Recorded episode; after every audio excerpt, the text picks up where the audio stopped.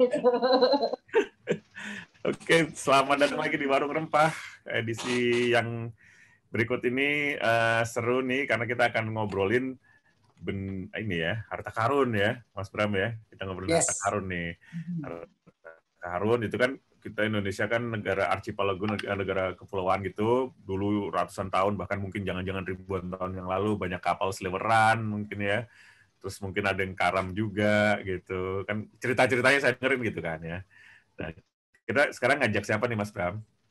Nah sekarang kita nggak mau ngajak uh, seorang arkeolog yang spesialisasinya tuh ngubek-ngubek soal barang muatan kapal tenggelam nih.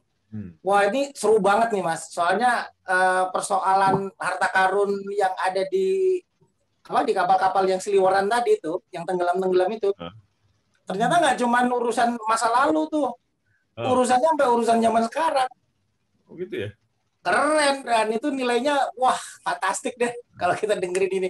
Ini ada Mbak Vivi teman saya ini kita dulu uh, saya ketemu sama Mbak Vivi pertama kali di Belitung hmm. waktu ada acara UNESCO ya waktu itu ya Mbak Vivi ya. Ya UNESCO ha, tentang ada, itu juga. Eh, acara UNESCO Mbak Vivi waktu itu nganterin kita ngeliatin tempat-tempat di mana penelitian-penelitian tentang kapal tenggelam itu terjadi dan dan segala macam intrik-intriknya yang ada yang yang terjadi di peristiwa pencarian harta karun itu gitu loh. Okay. Jadi apa namanya pemburu harta karun itu bukan omong kosong itu beneran ada bener. dan dan gila gitu loh. Uh. Gitu.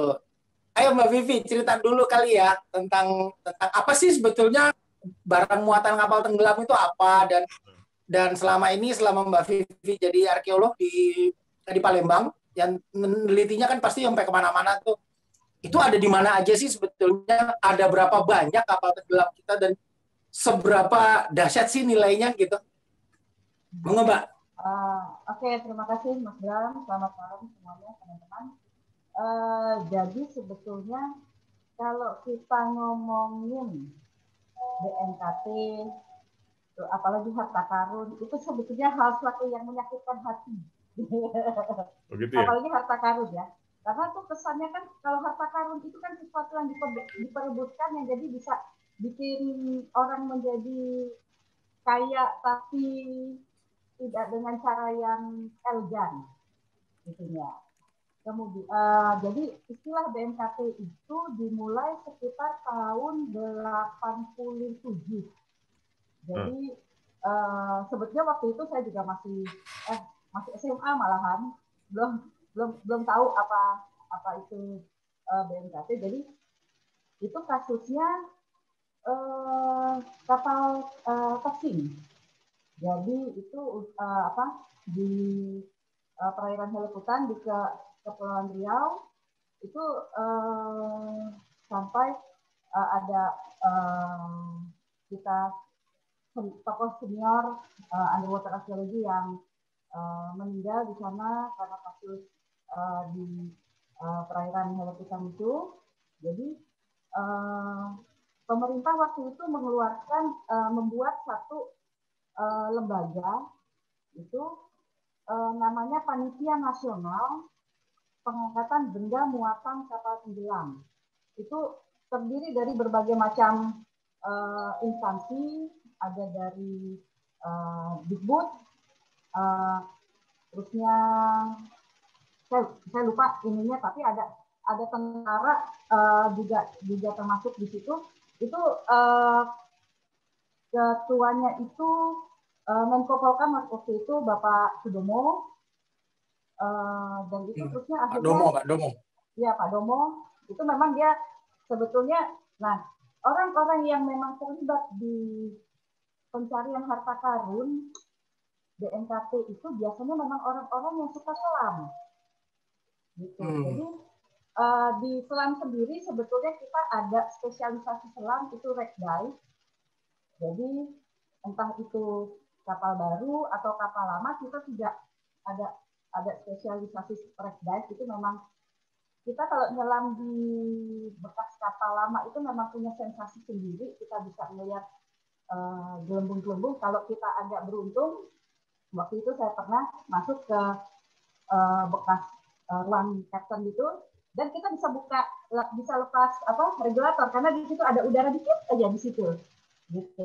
Jadi uh, ya di situ ya karena udara cuma segitu ya enggaknya buat gaya-gayaan itulah uh, apa punya sensasi tersendiri lah gitu kalau kita bilang di uh, itu nah uh, istilah BNKT itu sendiri sebetulnya bagi kami arkeolog itu juga uh, cukup menyakitkan karena benda muatan kapal tenggelam. Jadi sasarannya itu kan adalah uh, barangnya, artefaknya. Karena yang disasar itu adalah kapal-kapal uh, kargo uh, yang tenggelam pada masa lalu dan itu sebetulnya juga memang uh, dianggap barang komoditi. Hmm. Padahal sebetulnya yang ada di dalam yang yang dibawa sama kapal itu kan sebenarnya ya bisa aja tuh Eh, nggak uh, cuma komoditi barang milik orang kapal karena di dalam satu kapal kargo itu itu sebenarnya adalah satu komunitas sendiri. Jadi di situ juga selain kru kapal, mereka juga ada pedagang, terusnya ada uh, penumpang yang memang mau migrasi dari uh, pelabuhan satu ke daerah tujuan itu uh, dan uh, apa namanya mereka kan kadang-kadang juga bawa bawa barang-barang pribadi gitu. Nah, eh, rata-rata kalau orang-orang yang mencari BNKT itu, mereka kan konsentrasinya hanya ke eh, apa namanya eh, barang komoditinya. Jadi kalau yang benda-benda lain itu dicuekin. Nah, ironisnya di kita itu mereka mengangkat, mengangkatnya itu tidak sesuai dengan kaidah arkeologi. Gitu. Jadi bu, ngambil kap, bongkar kapalnya itu ya dibobok aja pakai linggis. Gitu. Bongkar kapal dibobok pakai linggis, barang yang masih bagus di mereka dipilah, barang yang masih bagus itu mereka angkat. Kalau misalnya di atas sudah keburu pecah, mereka langsung buang lagi. Gitu. Jadi hmm. uh, saya tahun 2013 ke uh, bekas situs uh, batu hitam itu uh, tan kargo jadi di situ memang melihat jadi bekas-bekas besi uh, mereka ngambil itu itu ya dibuang sembarangan gitu. tang kargo itu berarti kapal dinasti tang ya mbak Vivi ya? Ya uh, yang yang sekarang kita, kita kalau mau melihat tuh di mana? Singapura yang ASEAN Singapura. Asian Museum itu, ah, ah, di Singapura itu. Nah itu, uh, itu kalau dari versi mereka pengangkatannya legal, tapi kalau dari kita sih mas ya legal gitu ininya. Hmm. Jadi ya seperti itu makanya kan uh, Kargo itu sempat di ban sama Smithsonian uh, karena mereka tadinya kan mau tur pameran uh, ini tapi uh, nggak ini karena uh, Smithsonian menolak karena itu dianggap mereka mendapatnya secara uh, ilegal. Ilegal. Nah, nah itu tidak kan tadi kan Mbak Mbak Vivi kan bilang apa namanya kapalnya dibobok gitu ya. Kapalnya nah. dibobok aja gitu ya. Itu emang kapalnya bobok itu di mana sih? Di atas? Apa masih di bawah. di bawah. Jadi uh, beberapa itu mereka uh, kalau uh, di itu sebetulnya nggak di kita aja di di, di, Vietnam juga seperti itu mereka mem memanfaatkan tenaga kerja lokal. Jadi uh, apa penyelam kompresor jadi kalau kalau di kayak di Belitung terusnya di daerah uh, di Makassar juga ada itu ternyata juga di Vietnam juga seperti itu mereka awalnya tuh nelayan nelayan yang mencari eh, apa pasang bubu pasang bubunya mereka tuh kan uh, nyelamnya nggak pakai peralatan selam uh, hmm.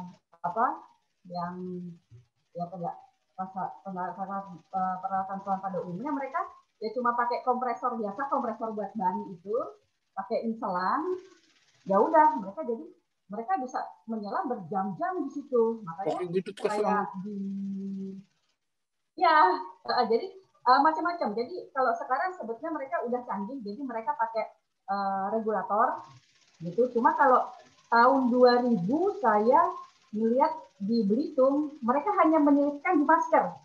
Jadi selang selang yang buat apa tuh namanya? Uh, air. Kalau kita tukang, ya selang air yang selang tukang ya, ya. yang buat nukur itu. Hmm itu diselipin di di itu masker di situ. Jadi mereka bisa bernapas pakai hidung. Nah itu tuh. Jadi uh, awalnya karena mereka tuh kan kalau di Belitung tuh uh, buat pasang bubu atau nyari peripan gitu. Dan uh, itu sebetulnya yang menjadi ironis karena rata-rata orang penyelam-penyelam itu akhirnya mereka kena dekompresi sickness gitu jadi saya pernah ke Makassar waktu itu di Pulau eh, Baranglompok. Itu banyak orang-orang yang sekitar umur 30 40 itu ya jadi cengkrong gitu. Jadi kan kalau kalau kalau dekompresi sickness itu kita kan jadi kadar nitrogen kita terlalu apa uh, terlalu banyak di dalam tubuh itu kita jadi uh, kaku-kaku semua badannya. Gitu. Jadi kenapa kita kalau habis menyelam uh, idealnya itu 24 jam nggak boleh terbang itu karena itu supaya kadar nitrogen kita uh, apa lepas semua jadi baru aman. Atau kalau kita menyelam di uh, lebih dari waktu yang kita uh, ditentukan, jadi kita maksimal menyelam. Jadi masing-masing kedalaman kan kita menyelam uh, ada ada waktu-waktunya makin dalam kita nyelam makin sebentar kita di dalam. Tapi kan kalau orang-orang itu nggak mungkin kan cuma kedalaman 30 meter, idealnya 15 menit. Kalau kita nyelam 15 menit ya paling baru nyampe, ngeliat sebentar udah suruh naik lagi kan, gitu. Hmm. Jadi mereka bisa berjam-jam. Nah itulah yang sebut uh, kalau kita untuk penyelaman dalam itu kita harus di stop Nah, ini barangnya yang di yang ada di dalam muatan kapal itu apa sih sehingga diperebutkan sama orang-orang itu? Uh, macam-macam. Jadi kalau uh, barang-barang uh, dari apa uh, yang uh, kargo yang sekitar awal awal abad uh, 20 dari uh, paling muda uh, awal abad 20 sampai yang lebih tua lagi itu rata-rata barang-barang keramik. Gitu.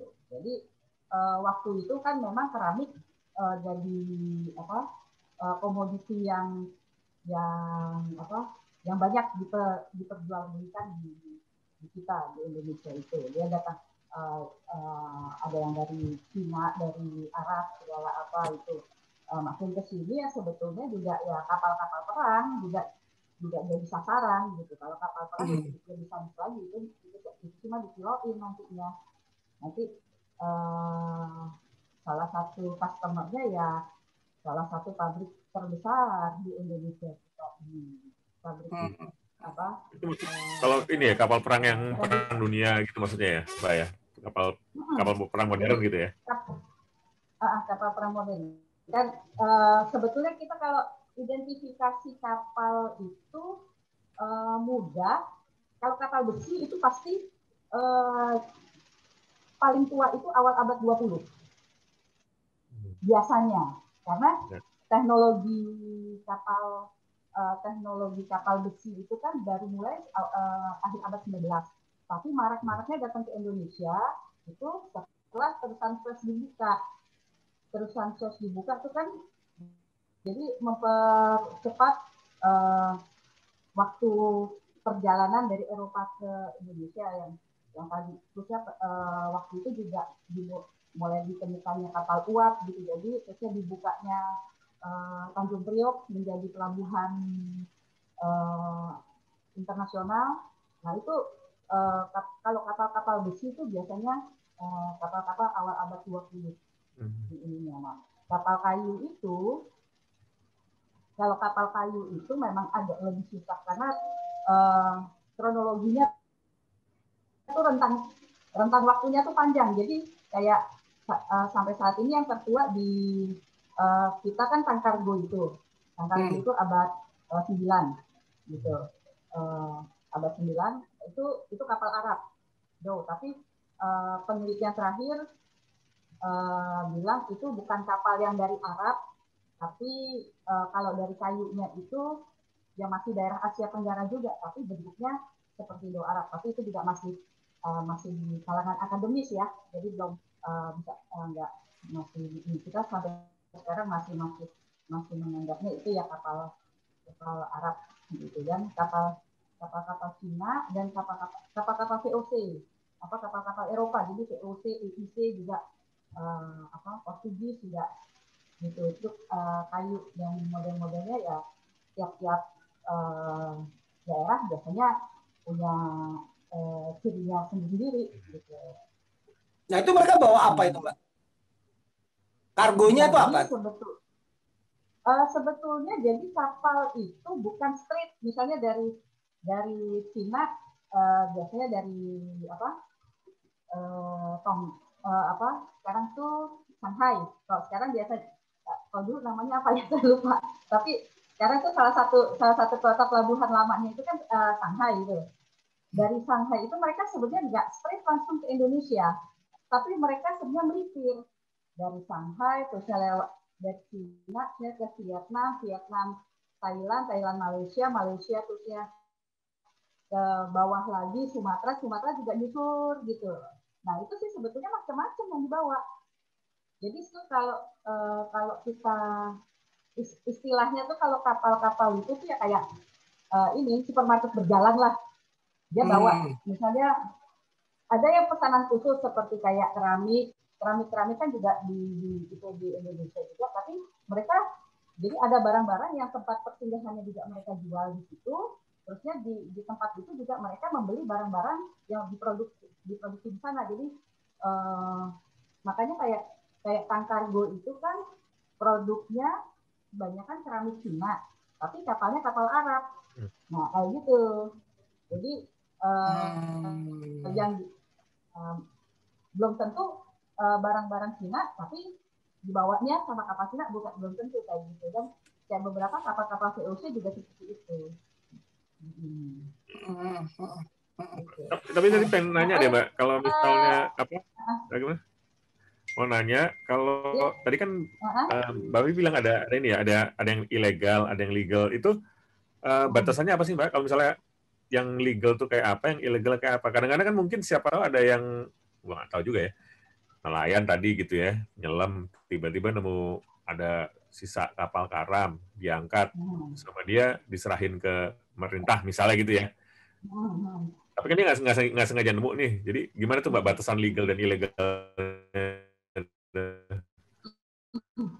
Uh, sebetulnya memang kalau misalnya apa kita uh, nemu uh, lokasi itu ya karena nelayan itulah. Jadi mereka uh, biasanya kan kalau uh, apa bekas-bekas kapal tenggelam itu kan terumbu karangnya bagus gitu.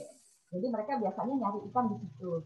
Lagi nyari ikan jaring atau lagi di bubu nemu mereka lapor nah itu uh, idealnya kalau misalnya harus mereka lapor dari pihak uh, pemerintah bisa ke BPCB, bisa ke PCBM ya, Dirjen Kebudayaan itu uh, ininya eselon 2-nya, ya eselon 3 BPCB itu meninjau dan uh, melak, uh, apa, melakukan uh, apa survei di situ. Nah, tapi sama sindikat-sindikat itu, itu justru sama mereka dimanfaatkan jadi tahun 2000 itu eh, pasaran eh, untuk nemuin titik itu sekitar 1 M untuk nelayan-nelayan sekitar eh, Belitung tuh. Jadi karena kebetulan waktu itu pada saat saya lagi-lagi main ke sana, eh, lagi nongkrong-nongkrong gitu, di ya, gak jauh dari tempat kita nongkrong itu ada kelompok nelayan, mereka habis uh, apa minum-minum gitu terus sambil cerita-cerita lah mereka baru dapat baru dibayar DP sekitar 300 jutaan gitunya uh, untuk uh, ngasih tahu uh, lokasi nanti terusnya sama orang dari uh, itu juga ngecek kalau benar baru dicek di tunai.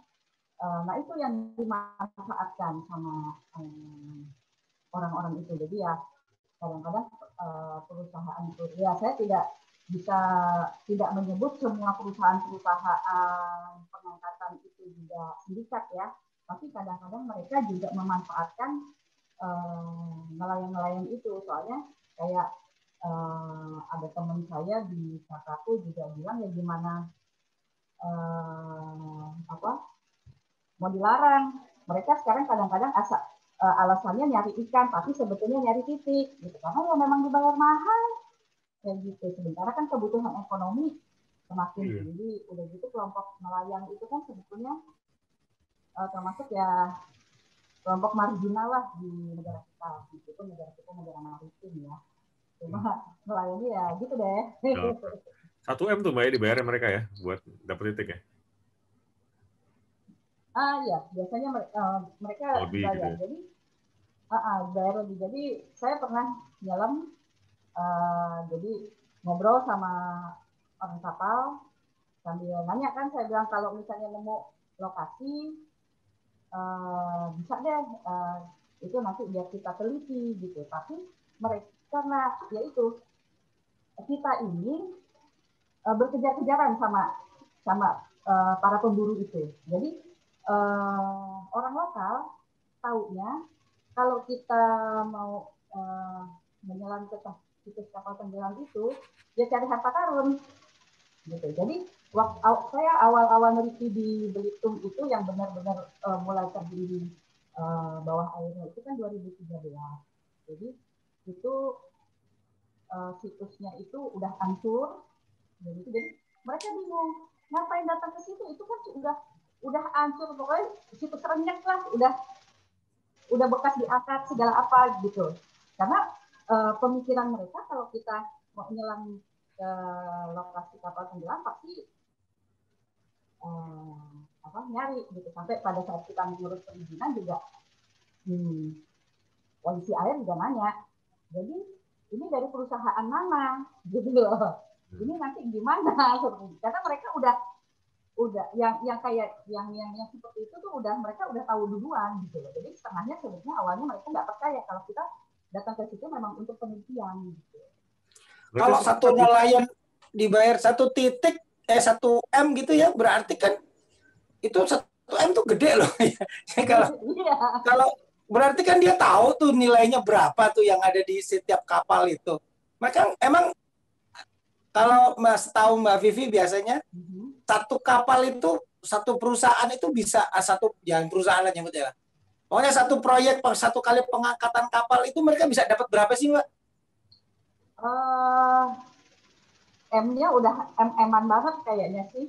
Karena uh, ya bisa masuk balai lelang krisi kalau Kristi kan kalau yeah. Kristi kan bukan bukan bukan lelek ecek-ecek kan kayak gitu. Yeah. Emangnya pegadaian gitu. Kita taruh di pegadaian ya.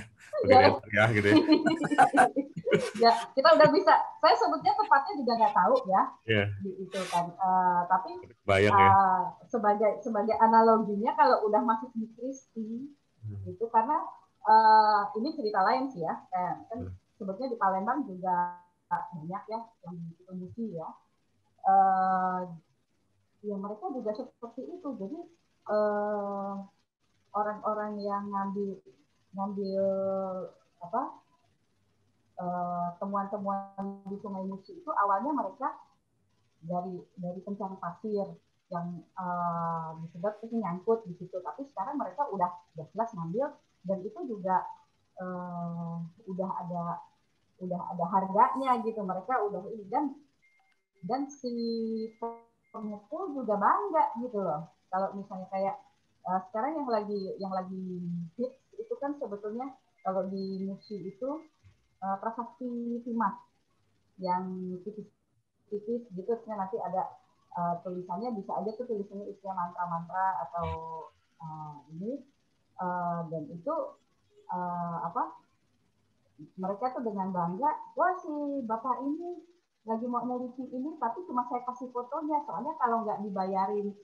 uh, satunya sekitar uh, 20 juta, saya nggak mau. Gitu. Jadi uh, apa?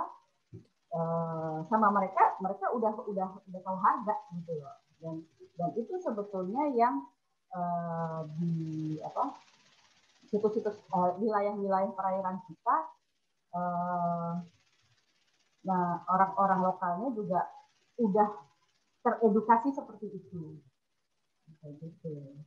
Jadi mereka kan, uh, kan itu apa apa namanya uh, barang-barangnya itu apa rata-rata kayak tadi kayak Mbak Mbak Vivi sampaikan kan tadi kebanyakan keramik ya yang harganya uh-uh. gitu. Itu kan keramik keramik kuno abad-abad 10 gitu. Itu tahu nggak Mbak per per piece tuh biasanya semahal apa sih? Oh, tergantung tingkat kelangkaan. Jadi kalau kita buka eBay aja, gitu. Saya, saya saya pikir juga nggak tahu sih tapi uh, coba cek kita cek ide ya di ini uh, misalnya pan keramik gitu bisa bisa dijual di eBay. Iya. Gila. Itu uh, dapat dari mana ya tuh? kita juga kalau misalnya mau ngecek ini uh, ya lihat di eBay gitu. Jadi kalau ini ini figurin, short figurin.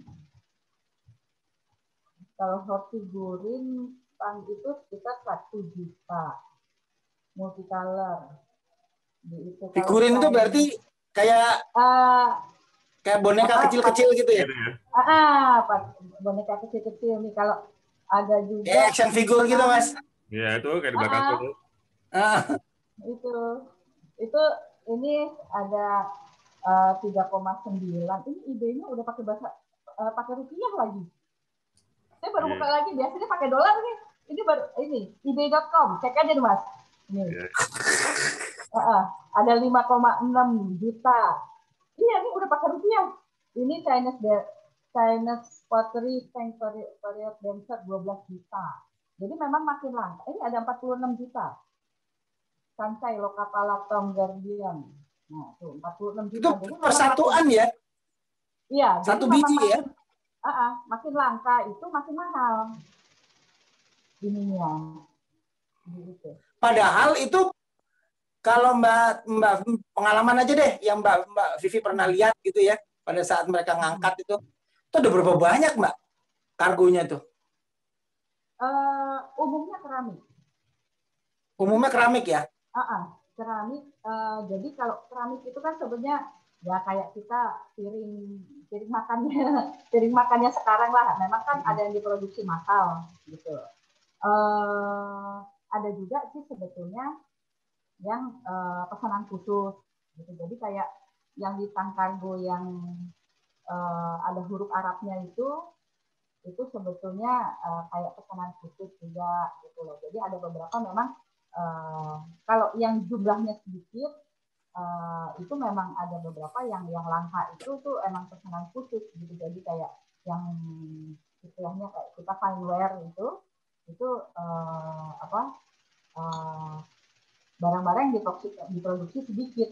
Hmm, tapi ada nggak yang apa model kayak apa perhiasan atau koin emas atau apa atau apalah untuk mungkin mutiara ya, ada juga. atau ada juga ya? Uh -uh, ada juga. Jadi uh, kalau yang di Tangkargo itu juga ada batu-batuan. Gitu. Eh, Cirebon juga ada batu-batuan itu. Jadi uh, biasanya uh, kalau abad-abad segitu kan biasanya batu-batuan itu buat buat ini ya takbir gitu. Buat apa mbak? Jadi mereka tasbih. Oh. Ah, uh, gitu. Jadi uh, biasanya uh, uh, apa? Uh, ada juga di, di, di ini ya. Di, di salah satu apa? Uh, kargo uh, kargonya tuh itu juga gitu. Wah.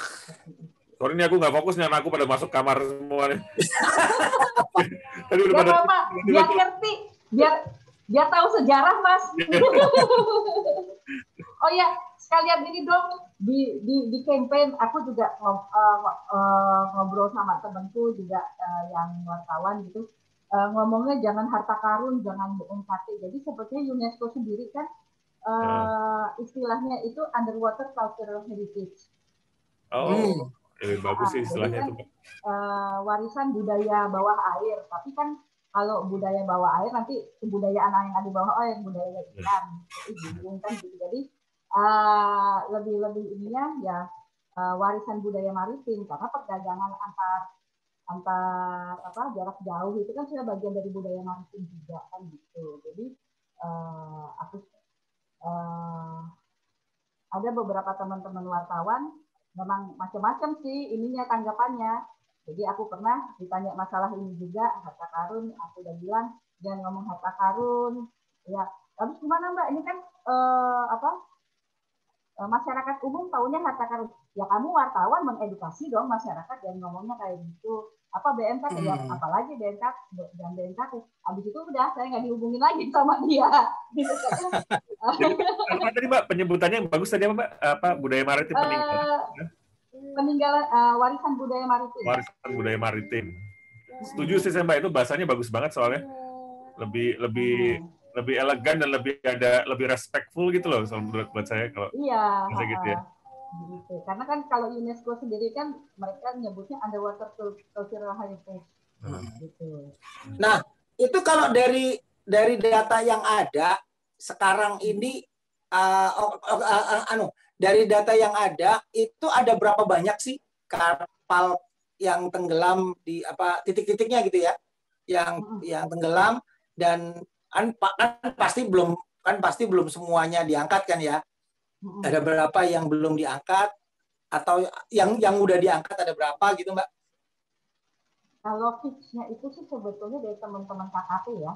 Mereka ya, yang punya datanya tapi kalau yang sudah uh, didata ulang oleh mereka pada uh, tentang uh, untuk uh, apa lokasi kapal-kapal tenggelam itu itu ada sekitar 400-an, 450. 400-an ya? Gitu, ini sudah ditemukan nih Mbak ya? Selama ini sudah sudah ditemukan segitu atau?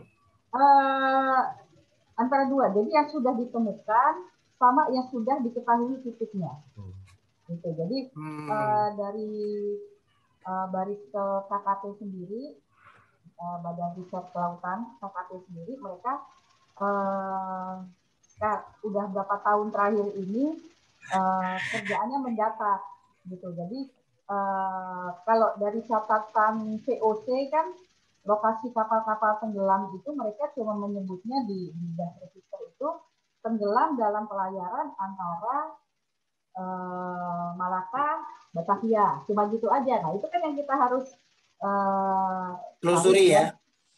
Ah, ah ditelusuri. Dan ini teman-teman dari KKP nih yang lagi lagi mencoba menelusurinya 400 itu di, di udah ketahuan titiknya di mana apa baru uh, tahu ada ada yang tenggelam segitu gitu uh, kayaknya udah ketahuan deh titiknya Udah ketahuan titiknya ya. Ketahuan titiknya.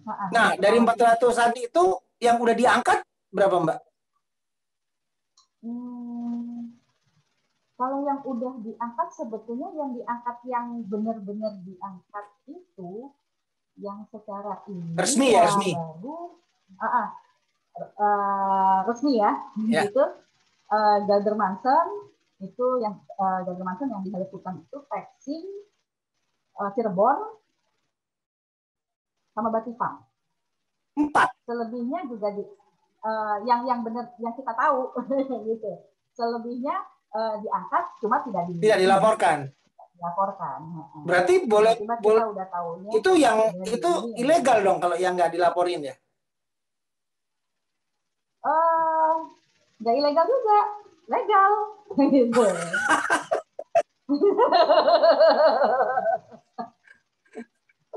iya gitu jadinya Nah, masa itu dari dari oh, ini, Mbak? Uh, sorry, dari itu itu dari dari dulu tuh. Intan juga banyak kok, udah nggak nggak ini yang diangkat gitu. Itu dari dari berapa puluh tahun yang lalu segitu, Mbak? 400 itu. Emang eh, yang ditemukan 400, Mbak? Iya. Apa apa oh gitu.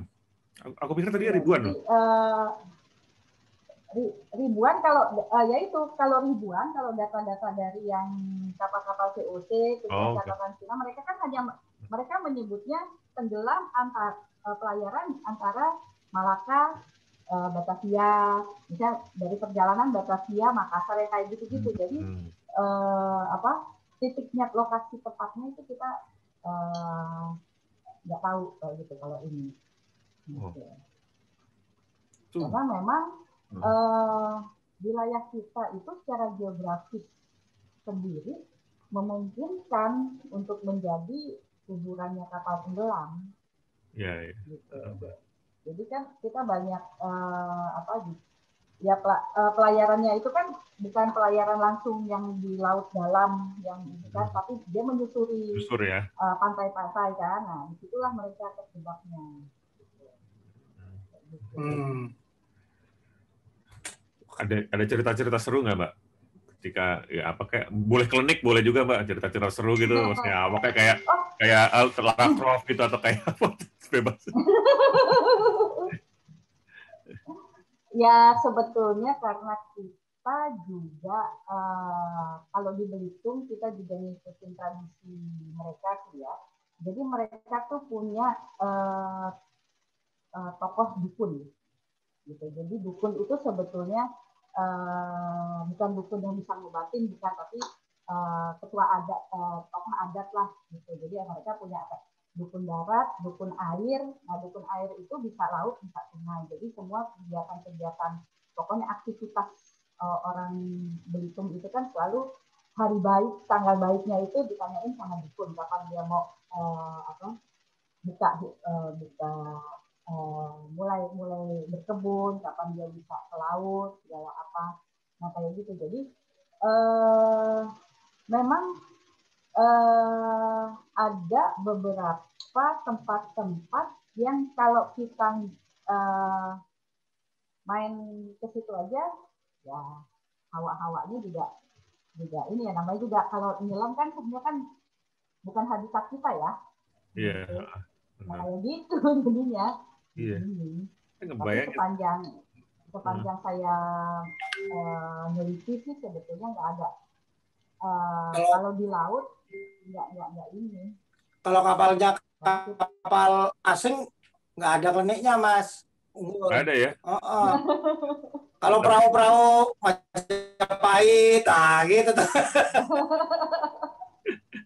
so, seru kebayangin soalnya kan eh, kalau aku kan dulu aku nggak nggak diving mbak. Cuman ya snorkeling snorkeling gitu aja kan ya. Hmm. itu aja kan paling nggak dalam-dalam banget ya aku ya. Cuman ya lah berapa meter itu paling. Itu aja kan seolah-olah kayak suasananya udah beda banget ya kayak di darat ya. iya, ya uh -uh. gitu. Dan pikiran-pikiran tuh aku muncul tuh ada ada apalah segala macem. Aku bayangin kalau eh, tapi yang di Belitung tuh dangkal loh mas.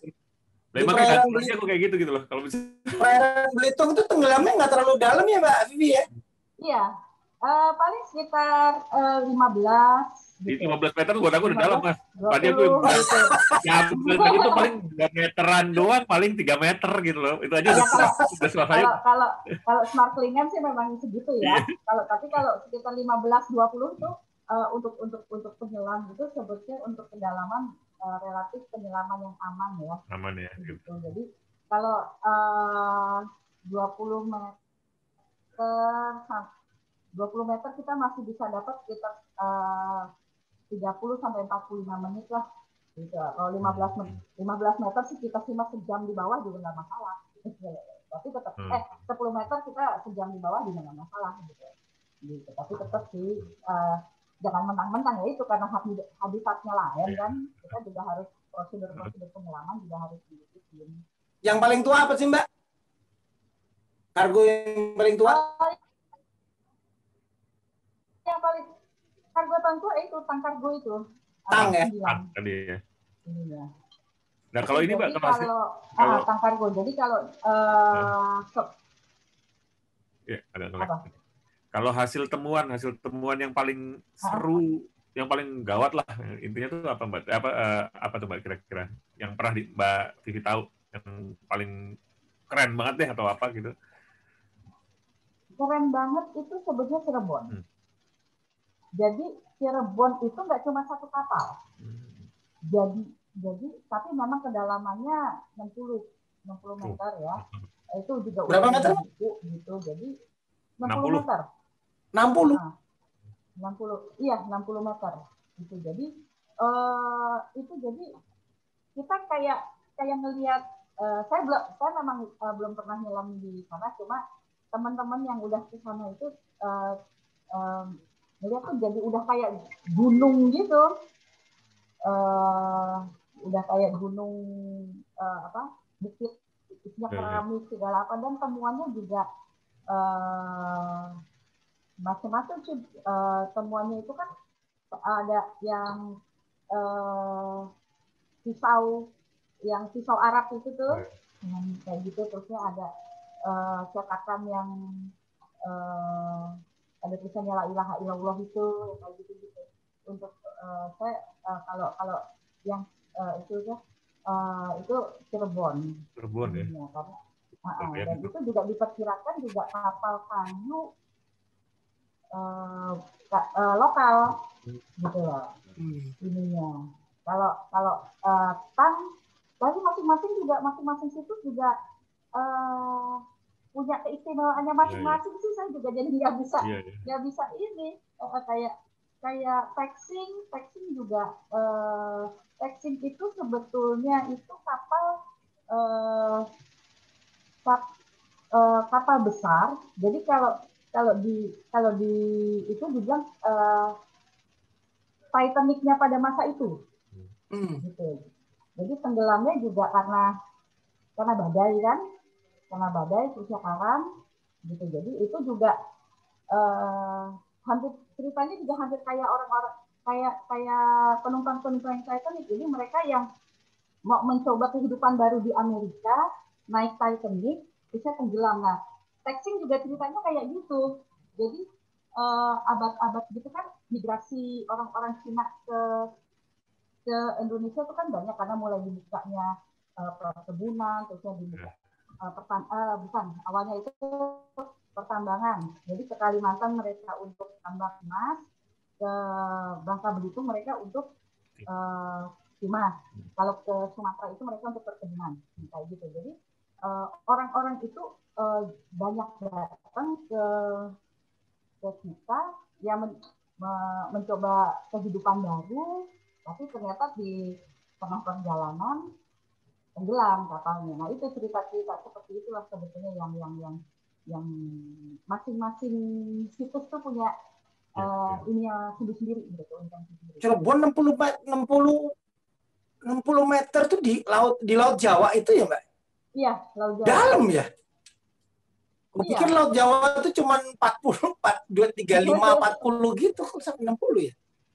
Eh, Laut Jawa yang yang apa?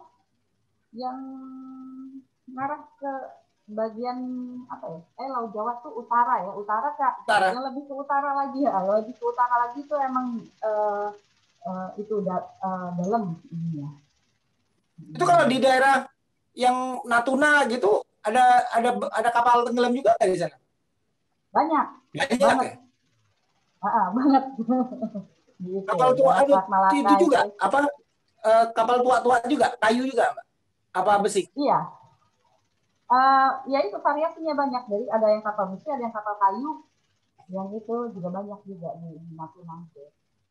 Hmm. Natuna tuh lebih banyak lagi karena eh, dari mulai laut dari dari arah laut Cina Selatan itu kan mereka tuh eh, itu kalau mau ke belok kanan ke arah India, Selat Malaka itu kan perlintasannya di situ.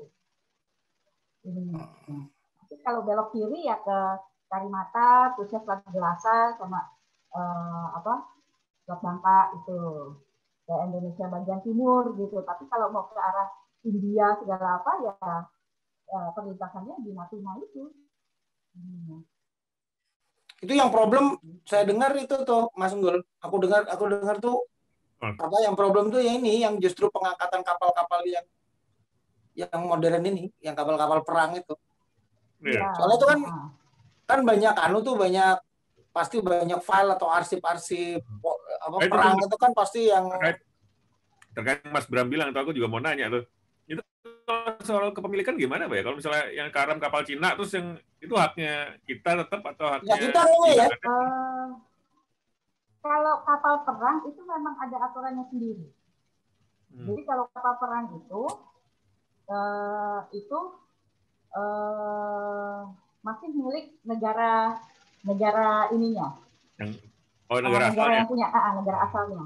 Gitu, maka. Flagnya ya? Ah, ah itu flagnya. Gitu. Kalau kalau uh, yang kapal perang itu eh, hmm. yang, yang lebih tua lagi itu sebetulnya uh, kalau uh, saya lupa tapi uh, peraturan konvensi UNESCO itu milik tapi nanti terusnya dibagi gitu loh ininya. Saya saya agak lupa ininya kalau kalau untuk kapal-kapal yang lebih tua. Tapi kalau untuk kapal perang itu sebetulnya uh, masih milik si negara uh, ininya negara asalnya. Karena itu kan kaitannya dengan dengan uh, sejarah uh, sejarah dari uh, negara itu kan gitu. makanya kemarin waktu yang banyak yang di Laut Jawa itu uh, yang U-boat tiba-tiba hilang, terusnya Asigara gitu uh, juga hilang itu. Kalau Jepang sebetulnya mereka uh, bukannya nggak peduli ya, cuma mereka menganggap kapal-kapal yang tenggelam di wilayah uh, yang sisa-sisa perang dunia kedua itu itu ya sudah kuburan ancestrnya mereka. Hmm. Gitu. Nah, beda dengan Eropa, Eropa, Amerika gitu. Jadi mereka kalau rewel gitu ya sana ya. Ah, jadi mereka sebisa mungkin tetap itu. Jadi uh, waktu yang U-boat itu ada berapa kapal ganda itu kan Belanda kan sempat protes kita gitu. Nah, padahal kita juga nggak tahu uh, itu kapal uh, pernah pernah pernah lewat lewat di perairan kita. Nah berarti kamu juga uh, ini dong apa uh, spying on us kan kayak gitu kan. Kok dia dia tahu ada kapalnya di perairan kita berarti kan dia juga ini gitu loh. Gimana caranya mereka hmm. tahu di situ kan lokasinya? Jadi mereka Nyari udah dulu. uh, ngendap ngendap dulu. Nah, kayak gitu. Hmm. kemarin juga sebetulnya lagi heboh, uh, heboh hebohnya kalau untuk kapal-kapal besi itu uh, uh, memang itunya kan uh, lokasi kapalnya tetap uh, di alur di jalur uh, per, uh, perlintasan pelayaran yang sampai sekarang juga masih dipakai. Jadi itu dianggap uh, mengganggu pelayaran. Jadi kan ada peraturan perhubungan laut. Jadi sebenarnya kita banyak peraturan-peraturan uh, yang agak berseberangan apa bertolak belakang jadinya. Gitu. Tambah sekarang kan undang-undang cipta karya yang lagi heboh-hebohnya kemarin gitu tapi uh, apa uh, dianggap jadi uh, apa pengangkatan itu salah satu uh, ladang untuk investasi kayak gitu-gitu jadi uh, ya kita harusnya sih kita memang harus agak lebih hati hati-hati sama sama sama peraturan-peraturan itu. Hmm. Ya, abang mau nanya nih, Mas Bram. Oh, boleh dong. Ya udah, udah suara tadi udah cek suara gitu. Iya, Terus. Selamat malam, selamat malam. Mudah-mudahan tidak ngelag. Enggak. Dua hari yang lalu nih ada truk jatuh di kampung saya. Muatannya beras sama Indomie kalau nggak salah. Itu banyak yang mungut-mungutin. Saya jadi kepikiran ya mungkin kondisinya kayak gitu kali ya sekarang ini gitu. Hanya bedanya hmm. itu tenggelamnya kapan, di, uh, terus dipungutinnya kapan gitu. Kalau hmm. truk beras pasti sekarang teguling, pasti sekarang dipungutin sama ma masyarakat sekitar situ. Yang yang Oh ya, Bang ya. Masyarakat termasuk lo ya. Terma uh, mungkin gue sedikit lah karena nggak persiapan bawa kantong kresek sih nyangkutnya. iya. Ada ada satu yang yang yang yang masih masih nggak nggak kepikiran sih gitu ya. Ini kan kalau nggak dibilang eksploitasi mungkin eksplorasi lah. Kita mengeksplorasi sesuatu atas musibah pada saat itu kan. Kita menemukan harta karun entah itu apa eh, keramik atau sejenisnya sangat mungkin juga kita nemuin beberapa tengkorak, nakoda, mualim dan segala macam kan. Eh, ini berarti benar-benar benar-benar sebuah keuntungan dari sebuah musibah masa lalu berarti Mbak ya. Gitu ya. Persoalannya yang tadi yang yang apa yang dibilang milik siapa milik siapa eh, mungkin Mas Bram benderanya udah lapuk jadi kapalnya sudah tidak berbendera kayaknya. Tapi itu yang yang yang yang tetap saya eh, bikin saya menarik itu eh, orang bisa kayak mendadak atas atas atas musibah masa lalu ya. Mhm. Eh, yang yang bisa jadi mungkin kayak macam pengiriman-pengiriman gitu ya Mbak ya. Mung- mungkin gak sih mereka tuh punya dokumennya bahwa ini milik saya loh, dulu sempat tenggelam, terus eh, itu bisa ngeklaim gak sih kalau kalau seandainya mereka punya dokumen itu atau atau negara mungkin yang lebih punya ya yang sangat mungkin gitu. Dari negara anu dikirim ke negara anu nah dan tidak pernah sampai setelah ditemukan baru dicari file-filenya terus datanya ada. Itu bisa diklaim gak sih? Eh, itu kalau nggak ada ada di konvensi PB, eh, UNESCO kalau nggak salah Mbak, eh, ada ininya sih. Eh, jadi Cina Cina itu merak eh, makanya kayak kepulauan Spratly, khususnya Natuna itu kan eh, pernah mencoba di apa eh, mau diang- dianggap sebagai wilayahnya dia gitu itu salah satu eh, salah satu buktinya yaitu tinggalan-tinggalan eh, yang dari kapal tenggelam itu banyaknya eh, eh, salah satu tinggalan-tinggalan yang dari Cina yang ditemukan di sana. Jadi eh, salah satu data dukungnya gitu ya seperti itu. Tapi kan eh, ya mbak ya banyak banyak banyak yang komplain kan eh, masalah itu sampai eh, sampai ada beberapa wilayah di Vietnam juga dijaga sampai sekarang juga. Natuna kan juga kayak kayak gitu eh, apa eh, masih suka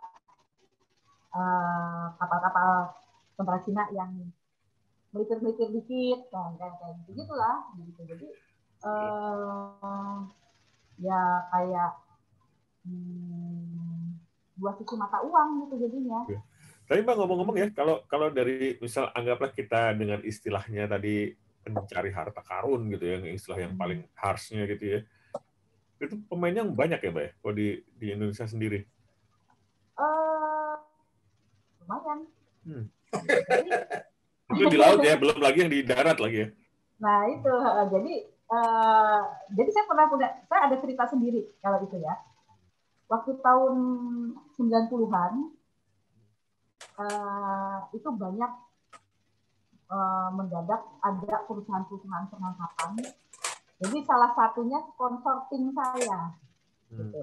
Dulu sih bangga tim tim kita juga di ini ada saya eh, eh, saya ikut klub apa football di Jakarta gitu ya. Salah satu sponsornya tuh eh, ternyata begitu kita tahu, lah ini kan salah satu perusahaan yang di blacklist gitu. Karena ya itu mereka eh, mereka memanfaatkan eh, panas itu akhirnya eh, sejak dibentuknya panas itu eh, akhirnya banyak perusahaan-perusahaan yang eh, mendadak punya usaha eh, itu dan itu eh, itunya juga orang-orangnya kalangan-kalangan dari ya penguasa zaman orde baru lah Ya, ya. gitu, gitu. Kalau sekarang sih sebetulnya udah lebih eh, eh, nggak nggak sebanyak waktu itu gitu. Dan dan mereka sih sebetulnya juga ada beberapa yang sudah lebih lebih lebih tahu lebih ngerti lah gitu. Jadi mereka nggak nggak cuma sekedar pok- pokoknya yang penting eh, dapat izin izinnya juga eh, yang penting eh, bukan bukan dapat izin. Izin jalan. Eh, eksplorasi juga jalan kayak gitu. Jadi mereka eh, sekarang eh, udah lebih tertib lah. Gitu. meskipun tetap aja ada yang yang ini Tapi yang, emang, emang emang ini ya mbak ya susah kali ya mbak ya. Saya nggak tahu juga ya kalau kalau pertemuan arkeologi gitu entah itu di laut atau di darat Hmm. batasannya ini harus diserahkan ke negara atau boleh dijual di balai lelang itu kan apa ada aturannya nggak sih pak kalau misalnya tiba-tiba temuan prasasti yang sangat-sangat apa mengandung nilai historis sangat tinggi tiba-tiba masuk ke balai lelang Kristi lah let's say gitu ya terus bisa nggak sih itu ini di reject sama si balai lelang ya ini nggak boleh ini harusnya ke ke negara yang bersangkutan itu ada nggak sih aturan-aturan gitu pak Eh, sebetulnya bisa. Itu sebetulnya Cirebon kayak gitu. Kristi menolak. oh oke Heeh. gitu jadi eh apa mau di darat mau di laut sebetulnya aturan sama.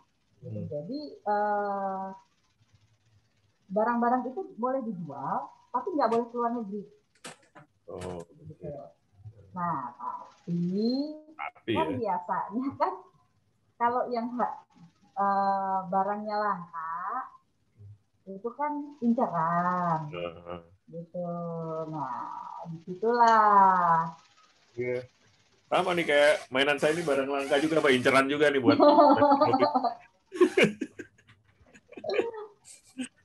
iya nanti suatu saat kan action figure gitu Iya. Oh, oh, nanti bisa lah di, di ininya kayak gitu Iya. Jadi biasanya biasanya ada aturan kayak gitu tuh kalau misalnya jumlahnya kalau apa sih kalau kreditnya itu massal yang dibawa hmm. Itu boleh dijual ya. boleh boleh boleh dilelang. eh, Kalau seperti prasasti atau arca yang spesifik Ah, gitu. kalau one of kind gitu itu nggak boleh itu harus boleh. Jadi, dipulangin. semakin semakin langka semakin langka barang itu itu kan eh, semakin apa nilai nilai pentingnya itu kan semakin tinggi Iya. Hmm. gitu ya. tapi nggak tahu ya kalau diumpetin Nah Nah, itu iya. Nilai penting semakin tinggi, otomatis nilai ekonomisnya juga lebih ti- jadi makin tinggi juga. Nah itu yang di ini yang dicari. Gitu.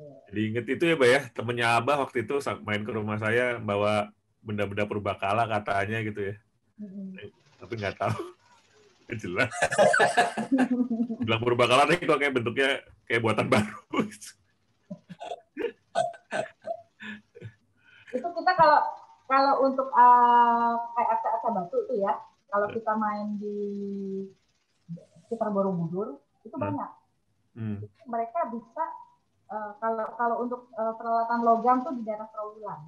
Jadi Hmm. mereka bisa mem- uh, membuat jadi seolah-olah lama. Nah, tuh Bah. Tuh, tuh Bah, mungkin Ya. jawabannya tuh Bah.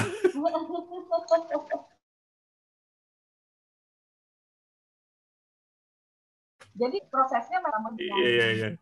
Jadi sama mereka di- dipendam dulu di di tanah nanti ja- kalau logam kan jadi keluar apa eh, patinasinya itu kan. Iya, iya, gitu ya. Nah, kayak gitu gitu. Oke. Seru banget Kata nih. batu juga kayak gitu di, di daerah Muntilan tuh. Nah. Gitu, kayak gitulah ini. jadi barang siapa yang yang merasa memiliki barang lama jangan buru-buru di jangan buru-buru dibuang simpen aja dulu gitu kan. Iya, iya. 10 tahun. Eh tapi bener loh. Siapa Aku tuh dulu pernah- ah, ah, aku tuh dulu pernah pernah pernah ah, istriku kan koleksi batik ya. Hmm. koleksi batik. Terus terus apa namanya eh, atau kapan tuh ya lagi buku du- lagi butuh-butuh duit ceritanya nih. Hmm. ah lepas aja nih satu batik gitu ya. Itu ditanyain ini batik tahun berapa? Batik ininya berapa? Ini ini, ini. apa eh kita nggak tahu ya detailnya sampai seberapa ternyata begitu yang lain bilang gitu mbak itu kalau eh, kalau keluaran di atas tahun sekian tuh harganya 10 kali lipat. Ups, langsung langsung itu. Nggak jadi. Udah Iya. ntar ntar aja. Itu Karena setelah Eh, OOT OOT dikit ngomongin batik. Temanku juga ada yang sempat jual beli akhirnya dia insaf jual beli batik lama. Karena ternyata ketika dijual dibawa keluar itu di- dipotong-potong mas untuk jadi kayak tas dompet segala macam iya. Nah, terus jadi rasa nasionalismenya kan bergejolak. Wah ini anjrit nih. Ini salah satu histori kita gitu. Dipotong-potong aja di sana gitu kan. Kayak gitu-gitu Mas, itu tuh yang Eh. yang hobi-hobi kayak gitu. Kalau eh, kadang-kadang juga eh, kayak Palembang tuh ya. Kenapa sekarang Hmm. juga eh, batik Palembang bisa diproduksi di Pekalongan? Ya karena itu. Hmm. jadi tahun-tahun eh, tahun kita tahun 90-an itu 92 sampai awal 2000 itu orang-orang Malaysia jadi banyak berburu eh, ini eh, cetakannya Hmm. gitu. Dan eh, Singapura juga seperti itu. Jadi eh, apalagi sekarang eh, Singapura itu lagi anak-anak mudanya Singapura tuh ya generasi generasi eh, apa gen, eh, Gen Z ya. Nah, itu tuh mereka lagi mulai sadar, udah mulai sadar bahwa eh, sebetulnya eh, historinya mereka tuh lebih lebih panjang dari eh, dari sebelum Raffles membentuk Singapura.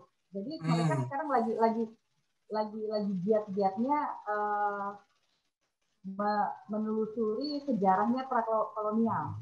Nah itu, Ketemunya di Sriwijaya tuh. Iya. iya. Iya, iya. Makanya sekarang, eh, yang yang di sebelah di dekat Singapura River kan ada ada patungnya para Maslara. Iya. Kan kayak gitu. Eh, Nah itu jadi eh, mereka mulai-mulai ada kesadaran sejarah prakolonial, tapi karena mereka secara finansial juga kuat, jadi ya pokoknya asal beli aja gitu loh. Asal mereka dapat ya beli dan bayar mahal. Nah itulah sebetulnya. Ya yang- kasusnya jadi kayak kayak apa hasil tangkargo itu iya, kan ditaruh di Museum Civilization sing apa Asian Museum Asian Civilization Museum. Hmm. of Singapura itu kan memang apa barangnya tenggelamnya di tempat kita tang apa kargonya kargonya tang kapalnya kapal Oman ya mbak ya kalau nggak salah ya Iya, ha-ha. kapalnya kapal Oman yang ngambil mereka ya taruhnya di tempat mereka kita nggak punya duit Iya, kita nyengir aja yang, yang menang lelang kan Singapura. Iya. Cina aja, dia udah menang lelang ya udah. Cina aja sampai protes kan, merasa itu milik miliknya dia, harusnya kayak itu. Tapi ya eh, orang Cina yang berani bayar, yang berani itu ya udah.